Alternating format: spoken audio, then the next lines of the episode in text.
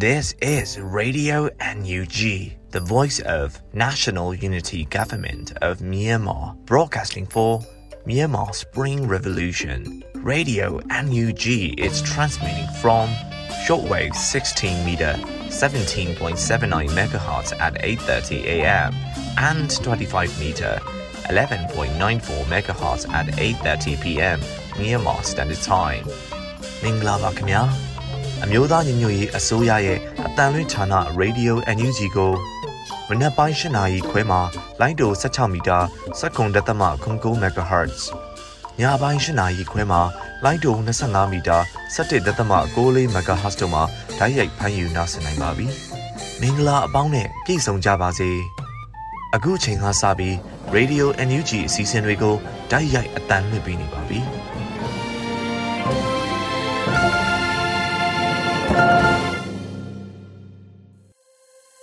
မြန်မာနိုင်ငံသူနိုင်ငံသားအပေါင်းတဘာဝဘေးဆရာနာရှင်ပြီးတို့ကနေကင်းဝေးပြီးကိုစိတ်နှစ်ပါးဘေးကင်းလုံခြုံကြပါစေလို့ရေဒီယိုအန်ယူတီဖွယ်သားများကဆုတောင်းမြတ်တာပို့သလိုက်ရပါတယ်။အခုချိန်ကစပြီးကာကွယ်ရေးဝန်ကြီးဌာနရဲ့စီရေးသတင်းချင်းချုပ်ကိုတော့မျိုးဦးလင်ကမှဖတ်ကြားတင်ပြပေးပါရမရှင်။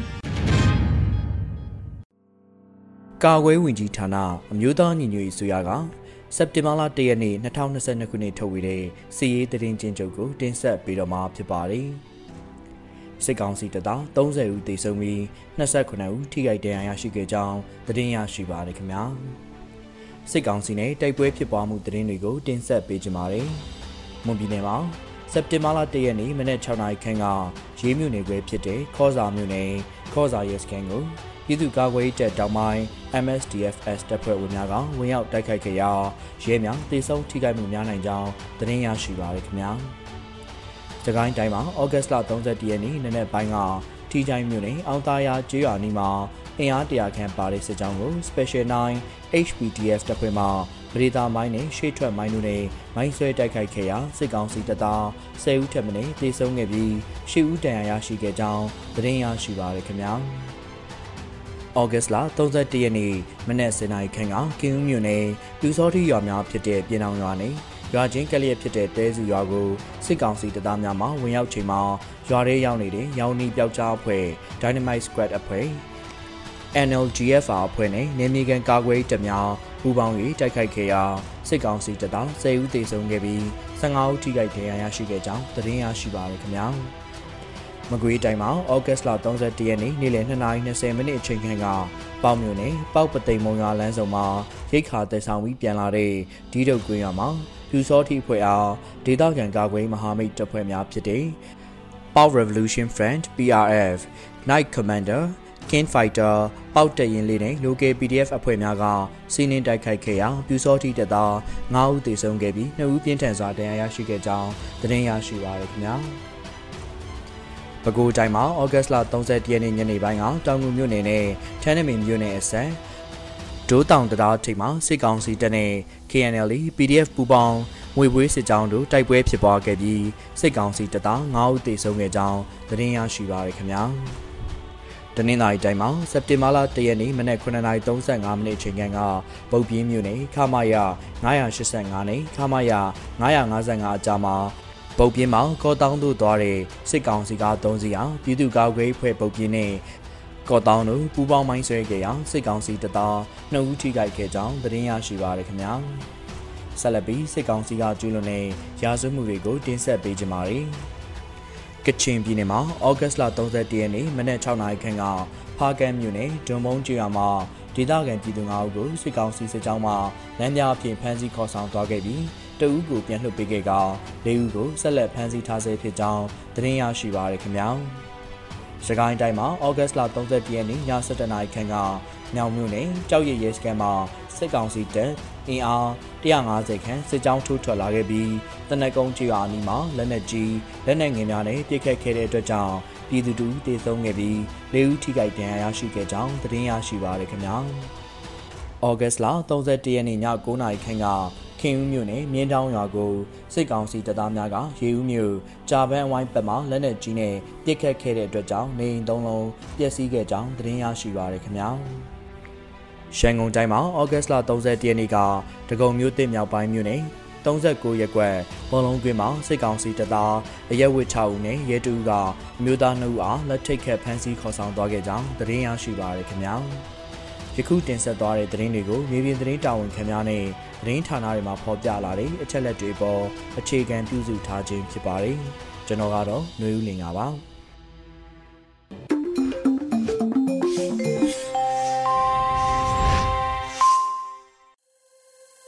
ရေယူအန်ယူဂျီမှာဆက်လက်တင်ပြနေပါတယ်။အခုဆက်လက်ပြီးနောက်ဆုံးရသတင်းများကိုຫນွေဦးမိုင်မှဖတ်ကြားတင်ပြပေးပါရမရှင်။ မင်္ဂလာပါရှင်။အခုချိန်ကစပြီး Radio UNG ရဲ့မနက်ခင်းသတင်းများကိုတင်ဆက်ပေးပါရမယ်။ကျွန်မຫນွေဦးမိုင်ပါ။စက်တင်ဘာလအတွင်းငွေတိုက်စာချုပ်ဝေသူများကိုယာယီသမရဒူဝါလက်ရှိလာလက်မှတ်ထိုးထားတဲ့ post ကတ်များပေးဝေမဲ့သတင်းကိုဥစွာတင်ပြပေးပါမယ်။စက်တင်ဘာလအတွက်ငွေတိုက်စာချုပ်ဝေသူများကိုယာယီသမရဒူဝါလက်ရှိလာလက်မှတ်ထိုးထားတဲ့ post ကတ်များပေးဝေမယ်လို့သိရရှိပါရယ်စက်တင်ဘာလ၁ရက်နေ့မှာ United ဘုံကတီးပေးဆိုပါရယ် ဘုံဝေယူသူတိုင်းဟာဒီငွေဒီတိုင်းပြည်အနာဂတ်အတွက်ရောမိမိကိုယ်တိုင်အတွက်ပါ investment လုပ်ပဲယုံကြည်တယ်ပြည်သူကအနိုင်ရပြီးလူထုအစိုးရတက်ကိုတက်ရမယ်လို့ယုံကြည်ထားတဲ့သူတွေပါဒီလိုယုံကြည်ချက်ကိုခုချိန်မှာပြန်လည်တုံ့ပြန်နိုင်တာကတော့တော်လှန်ရေးအစိုးရအဖွဲ့ခေါင်းဆောင်တွေရဲ့အမှတ်တရ post ကလေးတွေနေပါပဲ။ဩဂတ်လမှာဘောငွေယူသူတွေကိုသမရကြီးရဲ့အမှတ်တရစကားနဲ့ post ကလေးတွေပြန်ပေးခဲ့ပါတယ်။အခုစက်တင်ဘာလမှာလဲ ဒီ post ကလေးတွေကိုဒီဇိုင်းတစ်မျိုးနဲ့ဆက်လက်ပြီးပေးပို့သွားဖို့စီစဉ်ထားပါတယ်လို့ဆိုပါတယ်။ဒီ post ကတွေဟာ post ကလေးတစ်ခုမျှသာမဟုတ်ပဲပြည်သူတွေရဲ့ယုံကြည်ခြင်းအတိထားပြည်သူတွေရဲ့အားမှန်ကိုအတိမတ်ပြုတန်ဖိုးထားတဲ့သင်္ကေတဖြစ်တယ်လို့လဲဆိုပါတယ်။2021ခုနှစ်နိုဝင်ဘာလမှာစတင်ကအထူးငွေတိုက်စာချုပ်များကိုအမျိုးသားညီညွတ်ရေးအစိုးရဟာရောင်းချခဲ့ပါတယ်ရှင်။ ဆက်လက်ပြီးစစ်ကောင်စီစီမံခန့်ခွဲမှုညံ့ဖျင်းမှုကြောင့်ပြည်သူများအနေဖြင့်စီးပွားရေးကျဆင်းမှုတန်းကိုပြင်းထန်ခံစားနေရတယ်လို့ပြည်ထောင်စုဝန်ကြီးချုပ်ဆိုလိုက်တဲ့သတင်းကိုတင်ပြပေးပါမယ်။စစ်ကောင်စီစီမံခန့်ခွဲမှုညံ့ဖျင်းမှုကြောင့်ပြည်သူများအနေဖြင့်စီးပွားရေးကျဆင်းမှုတန်းကိုအပြင်းအထန်ခံစားနေရတယ်လို့ပြည်ထောင်စုဝန်ကြီးချုပ်မောင်ဝင်းခိုင်တန်းကပြောပါရယ်စက်တင်ဘာ၁ရက်ကျင်းပတဲ့ ကြားကာလဒေသန္တရပြည်သူ့အုပ်ချုပ်ရေးဖော်ဆောင်မှုဗဟိုကော်မတီအစည်းအဝေးအမှတ်စဉ်20ခုမြင်းဆောင်2022မှာဝန်ကြီးချုပ်ကဆိုပါရယ်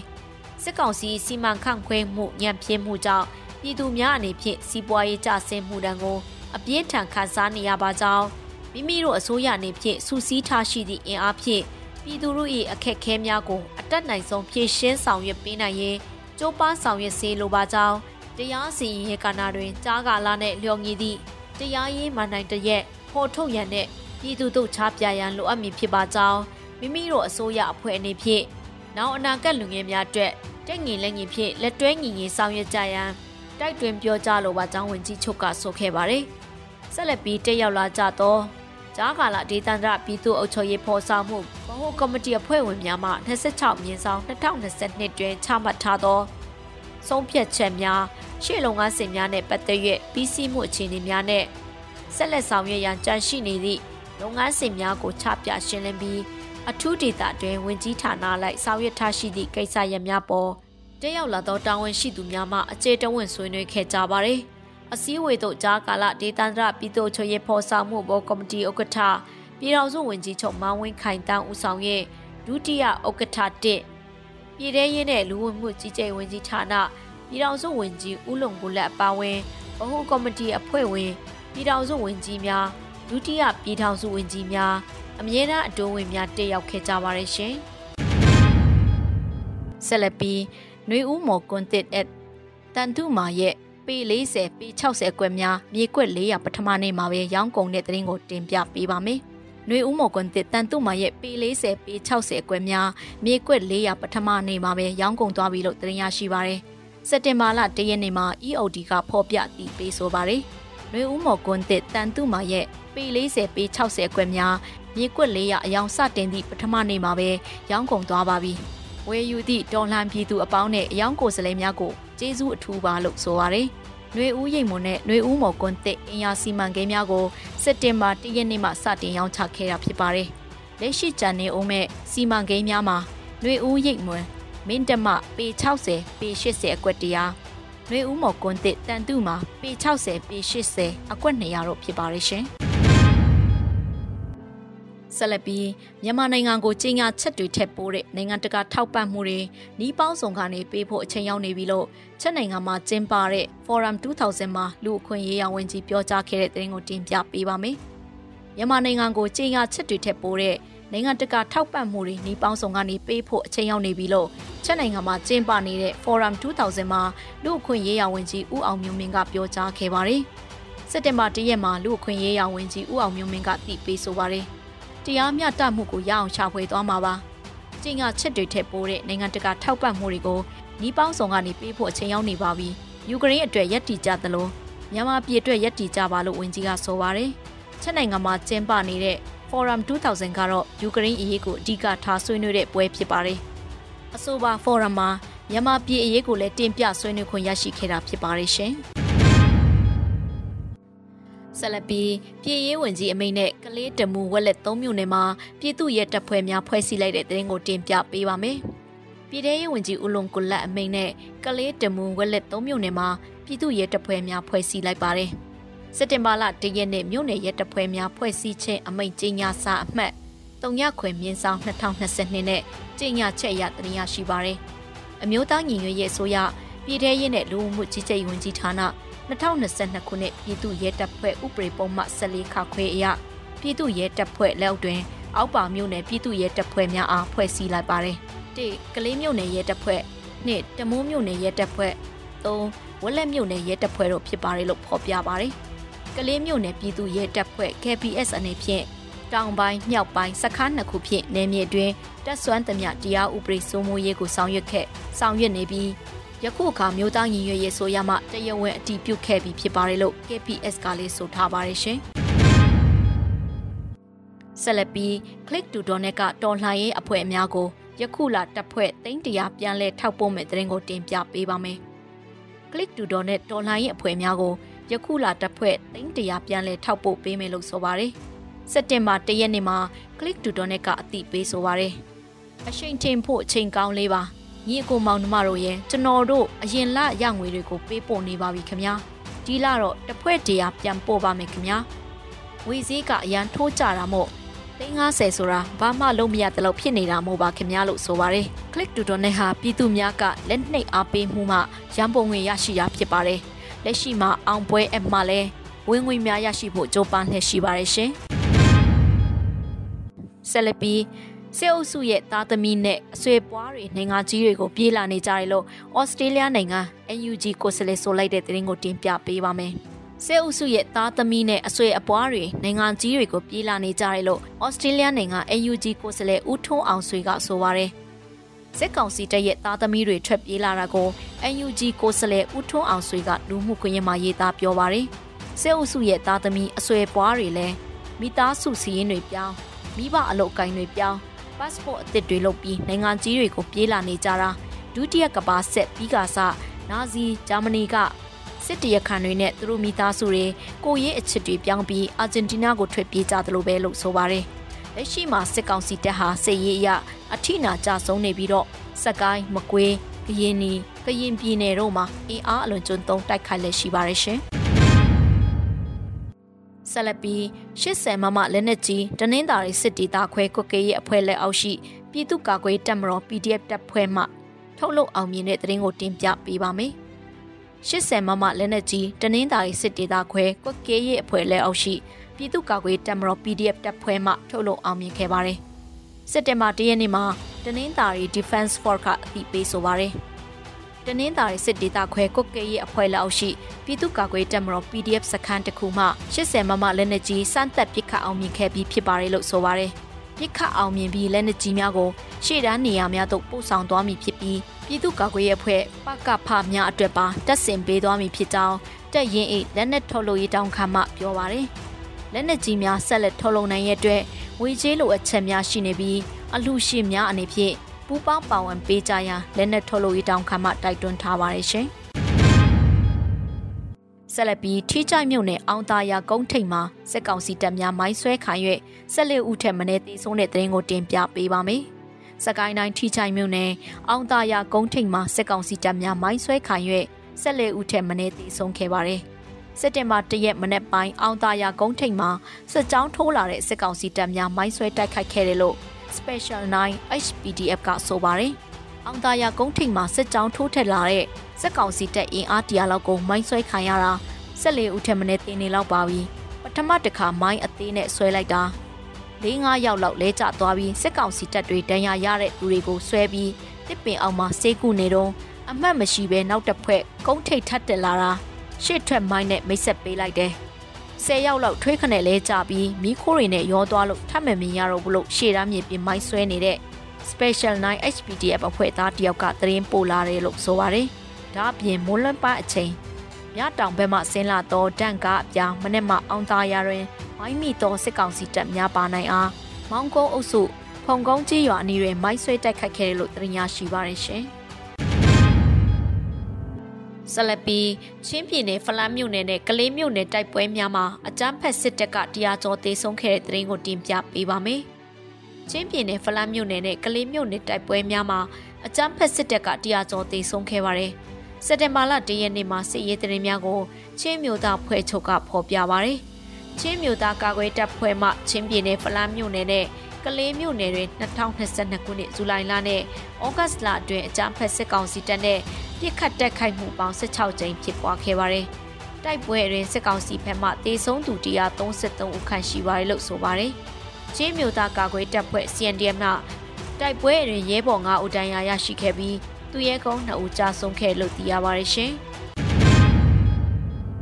ဆက်လက်ပြီးကရင်ပြည်နယ်တွင်ဩဂတ်စ်လအတွင်းတိုက်ပွဲပေါင်းအနည်းဆုံး46ကြိမ်ဖြစ်ပွားခဲ့ပြီးအကြမ်းဖက်စစ်ကောင်စီတပ်များဖက်မှ40ဦးသေဆုံးခဲ့ပြီး 25ဦးတန်းရရခဲ့တဲ့သတင်းကိုတင်ပြပေးပါမယ်။ကရင်ပြည်နယ်တွင်ဩဂတ်စ်လအတွင်းတိုက်ပွဲပေါင်းအနည်းဆုံး46ကြိမ်ဖြစ်ပွားခဲ့ပြီးအကြမ်းဖက်စစ်ကောင်စီတပ်များဖက်မှ40ဦးသေဆုံးခဲ့ပြီး25ဦးတန်းရရခဲ့ပါတယ်။ဩဂတ်စ်လစရုတ်ထပတ်တိုက်ပွဲသတင်းများကိုစက်တင်ဘာလ၁ရက်နေ့မှာ KNDF ကဖော်ပြတည်ပေးပါတယ်။ဩဂတ်စ်လဒလတာအတွင်းဂျမ်ဖက်စစ်ကောင်စီတပ်များသည်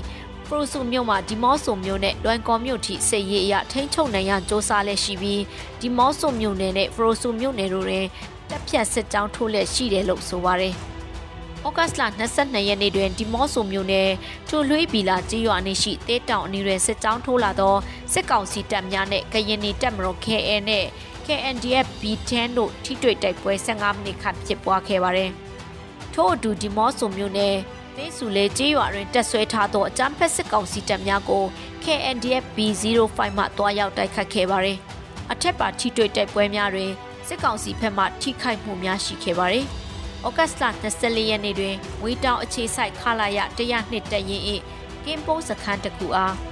ကရင်နီတက်မတော်နဲ့ KN နဲ့ KNDF B10 တို့မှရှောင်းတခင်တိုက်ခတ်ရာ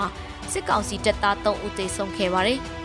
ဩဂတ်စ်လ26ရက်နေ့နနက်ပိုင်းတွင်စံပြ6မိုင်ကျေးရွာနေရှိတောင်ပေါ်တွင်စခန်းချသောအကြမ်းဖက်စစ်ကောင်စီတပ်များကို KNDF B09 မှစစ်စီးရေးတရဖြစ်စင်နွဲတက်ခတ်ခဲ့ရာစစ်ကောင်စီတပ်ဖွဲ့မှတအူးသေးဆုံးခဲ့ပြီးထိခိုက်မှုများရှိခဲ့ပါတယ်။ဘောလခဲမြို့နယ်တွင်လည်းဩဂတ်စ်လ25ရက်နဲ့29ရက်နေ့တို့တွင်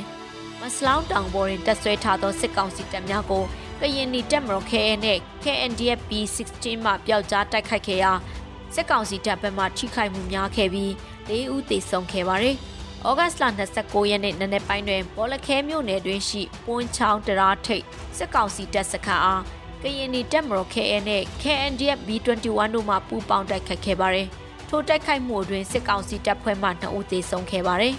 ။ရှာရုံးမြို့နယ်ပွန်းချောင်းကျေးရွာနေရှိစစ်ကောင်စီ၏ပွန်းချောင်းစခန်းအားကရင်နီတက်မတော် KN နဲ့ KNDF B14 တို့မှဩဂတ်စ်လ29ရက်နေ့တွင်တနေကုန်နီးပါးချောင်းမြောင်းတိုက်ခတ်ခဲ့ရာ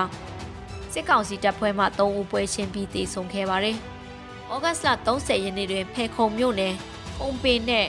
လွင်ဝဲချေးရွာနေရှိစစ်ကောင်စီခြေကုပ်စခန်းအား KA KNDF B03 B11 SSRY နဲ့ PKPDM မှပူးပေါင်း၍ပျောက်ကြားတိုက်ခိုက်ခဲ့တဲ့ပြည့်စစ်ကောင်စီတပ်ဖက်မှ3ဦးသေဆုံးခဲ့ပါတယ်။က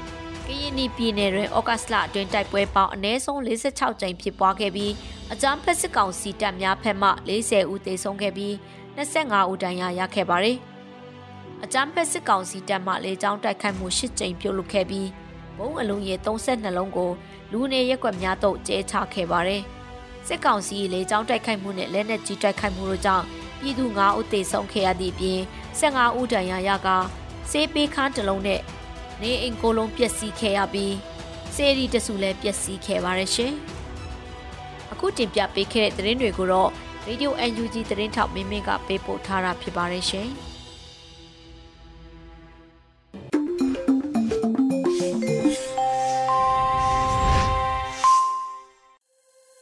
ရေဒီယိုအန်ယူဂျီရဲ့မနက်ခင်းစီစဉ်တွေကိုဆက်လက်တင်ပြနေပါတယ်။အခုဆက်လက်ပြီးနားဆင်ကြရမှာကတော့ပြည်သူခုခံစစ်တရင်များဖြစ်ပါတယ်။ ရေဦးလင်းအိမ်မှဖတ်ကြားတင်ပြပေးပါရမရှင်။ပထမဆုံးအနေနဲ့ရွှေဘုံမှာစစ်တပ်တပ်ဆွဲထားတဲ့နေရာတွေနဲ့စစ်ကြောင်းတွေတိုက်ခိုက်ခံရတဲ့တဲ့ရင်ကိုတင်ဆက်ပေးပါမယ်။ စကိုင်းတိုင်းရွှေဘိုမြို့နယ်ရွှေဘိုရေဦးလမ်းပိုင်းနဲ့ပလိုင်းကျေးရွာတို့မှာတက်ဆွဲထားတဲ့စစ်တပ်နဲ့စစ်ကြောင်းတွေကိုဒေသခံကာကွယ်ရေးတပ်ဖွဲ့တွေကဩဂုတ်လ31ရက်နေ့မှာ drone နဲ့ပုံသီးချခြင်းမိုင်းဆွဲတိုက်ခိုက်ခြင်းကြောင့်စစ်သားလေးဦးသေဆုံးခဲ့ကြောင်းရွှေဘို PDF တပ်ရင်း20နှစ်ရင်းခွဲလေးထံမှသိရပါဗျ။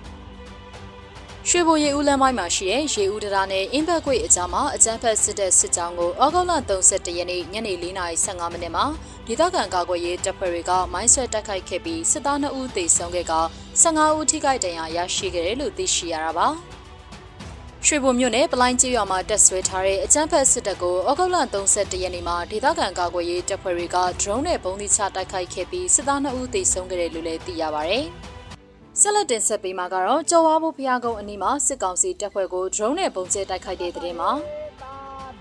ကရင်မျိုးသားအစည်းအရုံး KNU ခေါ်တူလေးတမဟာ6အုပ်ချုပ်နယ်မြေမြောက်ရီဝေါ်လီကာလန်ကြော်ဝါဘူးဖျားအနီးကျူးကျော်တက်ဆွဲထားတဲ့အကြမ်းဖက်စစ်ကောင်စီတပ်ဖွဲ့က KNLA ပူးပေါင်းတပ် Cobra စစ်ကြောင်းနဲ့ Federal Wings Drone တပ်ဖွဲ့က drone နဲ့ပုံကျဲတိုက်ခိုက်ခဲ့တယ်လို့ Federal Wings Drone တပ်ဖွဲ့ကဆိုပါတယ်။ မွန်ပြည်နယ်ကာကွယ်ရေးတပ်ရဲ့ပထမဆုံးစစ်စင်ရေးအဖြစ်ခေါ်စာမျိုးရဲစခန်းကိုဝင်တိုက်ရာရဲတပ်ဖွဲ့ဝင်အ ਨੇ စုံ2ဦးထိခိုက်ဒေဆုံးတဲ့တဲ့ရင်ကိုဆက်လက်တင်ဆက်ပေးပါမယ်။မွန်ပြည်နယ်ရေးမြို့နယ်ခေါ်စာမြို့မှာရှိတဲ့စစ်ကောင်စီလက်အောက်ခံရဲစခန်းကိုစက်တဘာလတရက်ယနေ့နေ့ပိုင်းမှာမွန်ပြည်ကာကွယ်ရေးတပ်တောင်ပိုင်းကဝင်ရောက်တိုက်ခိုက်ရာရဲတပ်ဖွဲ့ဝင်အနည်းဆုံး2ဦးထိခိုက်ဒေဆုံးမှုရှိကြောင်း MSDF South ကသတင်းထုတ်ပြန်ပါတယ်။ဒီကနေ့မနက်6နာရီမှာ MSDF South ရဲ့ပထမဆုံးစစ်စင်ရေးအဖြစ်စင်ပြူစစ်စင်ရေးလို့အမည်ပေးပြီးဝင်ရောက်တိုက်ခိုက်ခဲ့ကြောင်း နှစ်ဖက်အပြန်အလှန်ပစ်ခတ်မှုဖြစ်ပွားခဲ့ကြောင်းသိရှိရတာပါ။ MSDF South အဖွဲ့ကိုမွန်လူမျိုးတွေနဲ့မွန်ပြည်နယ်တွင်းမှာရှိတဲ့တော်လန်လူငယ်တွေနဲ့ဖွဲ့စည်းထားပြီးဆီယနာရှင်ပြုတ်ကျသည့်အထိတိုက်ပွဲဝင်သွားမှာဖြစ်ကြောင်းထုတ်ပြန်ထားပါတယ်။နောက်ဆုံးအနေနဲ့ရခိုင်ဘင်္ဂလားဒေ့ရှ်နယ်စပ်မှာရှိတဲ့မိုင်နိုင်40စစ်ကောင်စီတပ်စခန်းကို AA ကတင်ပတ်ရရှိတဲ့တဲ့ရင်ကိုတင်ဆက်ပေးပါမယ်။ရခိုင်ဘင်္ဂလားဒေ့ရှ်နယ်စပ်မှာရှိတဲ့မိုင်နိုင်အမှတ်40ရှိစစ်ကောင်စီတပ်စခန်းကို AA က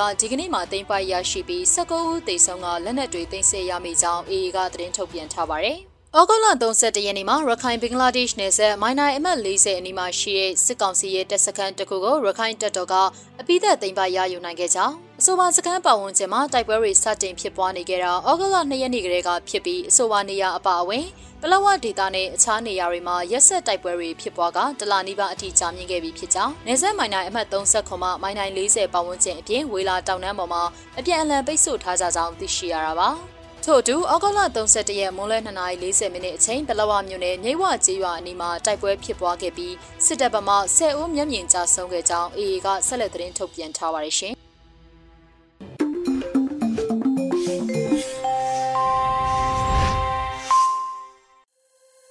ရေဒီယိုညူချီပရိသတ်တွေအတွက်ကူးဆက်လက်ပြီးထုတ်လွှင့်ပေးမှာကတော့ PPTV ရဲ့နေ့စဉ်သတင်းများဖြစ်ပါတယ်။မျိုးတော်တာမှဖတ်ကြားတင်ပြပေးပါမယ်ရှင်။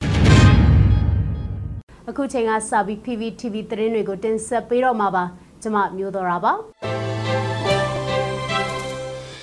ပထမဆုံးတင်ဆက်ပေးမှာကတော့အမျိုးသားညွရေးအစိုးရက CTM တွေကိုနှိမ်မှုပြုလုပ်နေတဲ့ NaN CTM ဝန်ထမ်းအရာရှိ189ဦးကိုအမြင့်ပြတ်စရင်သွင်းပြီးရာထုကထုတ်ပယ်လိုက်တဲ့ဆိုတဲ့သတင်းမှာအမျိုးသားညွရေးအစိုးရက CTM တွေကိုဖိနှိပ်မှုပြုလုပ်နေတဲ့ သာသနာရေးနဲ့ယဉ်ကျေးမှုဝန်ကြီးဌာနကနန်း CTM ဝန်ထမ်းအရာရှိ189ဦးကိုပြည်ထောင်စုဝန်ကြီးမောင်ဝင်းခိုင်တန်းအမိန့်နဲ့အမည်ပြစရင်သွင်းပြီးရာထုကထုတ်ပယ်လိုက်တယ်လို့သတင်းထုတ်ပြန်ပါတယ်ထုတ်ပယ်လိုက်တဲ့သူတွေကဝင်ကြီးယုံယဉ်ကျေးမှုက73ဦးအမှုပညာဦးစီးဌာနက18ဦးရှေးဟောင်းသူတေသနာနဲ့အမျိုးသားပြတိုက်ဦးစီးဌာနက100ဦးနဲ့ တမိုင်းသူတေသနာနဲ့အမျိုးသားစာကြည့်တိုက်ဦးစီးဌာနက46ဦးစုစုပေါင်း189ဦးဖြစ်ပါတယ်။အမည်ပြစရင်နဲ့ရထုကထုတ်ပယ်ခံလိုက်ရတဲ့သူတွေဟာ CTM ဝန်ထမ်းတွေကိုဖိအားပေးတာချိန်ချောက်တာရထုထုတ်ပယ်တာတရားစွဲတာပြန်ဆက်ရန်မလိုတော့တဲ့ချင်းငွေတွေကိုအတင်းအတ္တမပြန်လဲပေးဆောင်ခိုင်းတာအဆရှိတဲ့ဖိနှိပ်မှုအမျိုးမျိုးကိုလှုပ်ဆောင်နေတာဖြစ်တဲ့အတွက်ကြောင့်လို့ထုတ်ပြန်ချက်မှာဖော်ပြထားပါတယ်။အမျိုးသားညွရေးအစိုးရဝန်ကြီးချုပ်ရုံးအနေနဲ့လည်းအော်တိုဘာလမှာစတင်ပြီးအမိတ်အာဏာဖီဆန်ရေးလှုပ်ရှားမှု CTM မှာပါဝင်ခဲ့ကြတဲ့ဝန်ကြီးဌာနမဖွဲ့ရသေးသောဌာနအသီးသီးမှာနိုင်ငံဝန်ထမ်းသူရဲ့ကောင်းတွေရဲ့လူမှုဖူလုံရေးလုံခြုံပေးခြင်းရေးနဲ့ PR ကင်းစင်ရေးတို့အတွက်အလေးထားဆောင်ရွက်နေတယ်လို့ဆိုထားပါတယ်။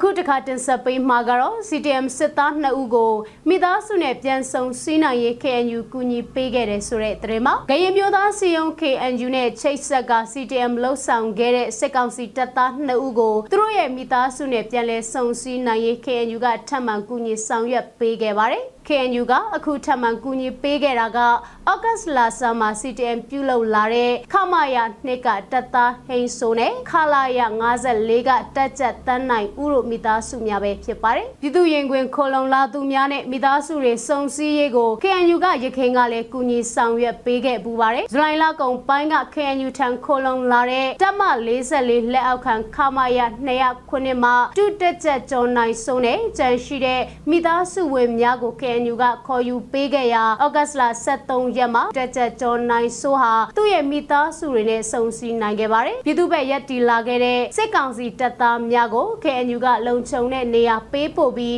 လိုအပ်တာကူညီပေးနေပါတယ်ကျေးဇူးတင်ပါတယ်ရှင်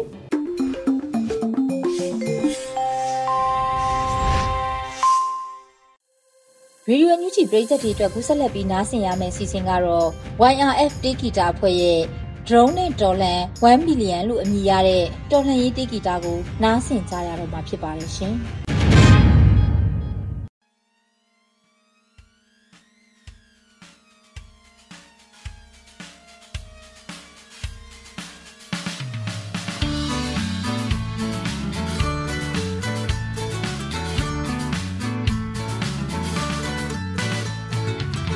မပြန်က drone တဲ့စစ်ချီ လာကြသည်လုံးကြောင်မပုံချက်လို့စစ်ခွဲတွေတဲပြီးရေမြေမှာစစ်ခွဲလောင်စုပုံကတန်းစီဒုံကြောင်ဒုံကြောင်မအားလုံးပေနေပြီး mission လေးပြီးတော့ရင်အကောင်ရင်များကြီးရပါတယ်ကောင်းလောင်လေးကြိတ်ချရင်ဖေတုံအောင်ကြောက်လို့ပြေးကြတယ် hey လာပါလာပါ sky one one ကူလူကြမယ်ညံ့ညံ့တဲ့ပြဖို့ဟိုမြင့်ကိုပြန်ဝဲ Ooh la la la la la la la la la la. Ooh la la la la la la la la. Drone နဲ့တူဖိုက်တာတွေပြန်လာမယ်အမတ်တရားပဲရှက်တီကြံလာရဲ့ငါတို့မျိုးဆက်ရှင်းပြိုင်ရတွေ့ဒီတော့လိုက်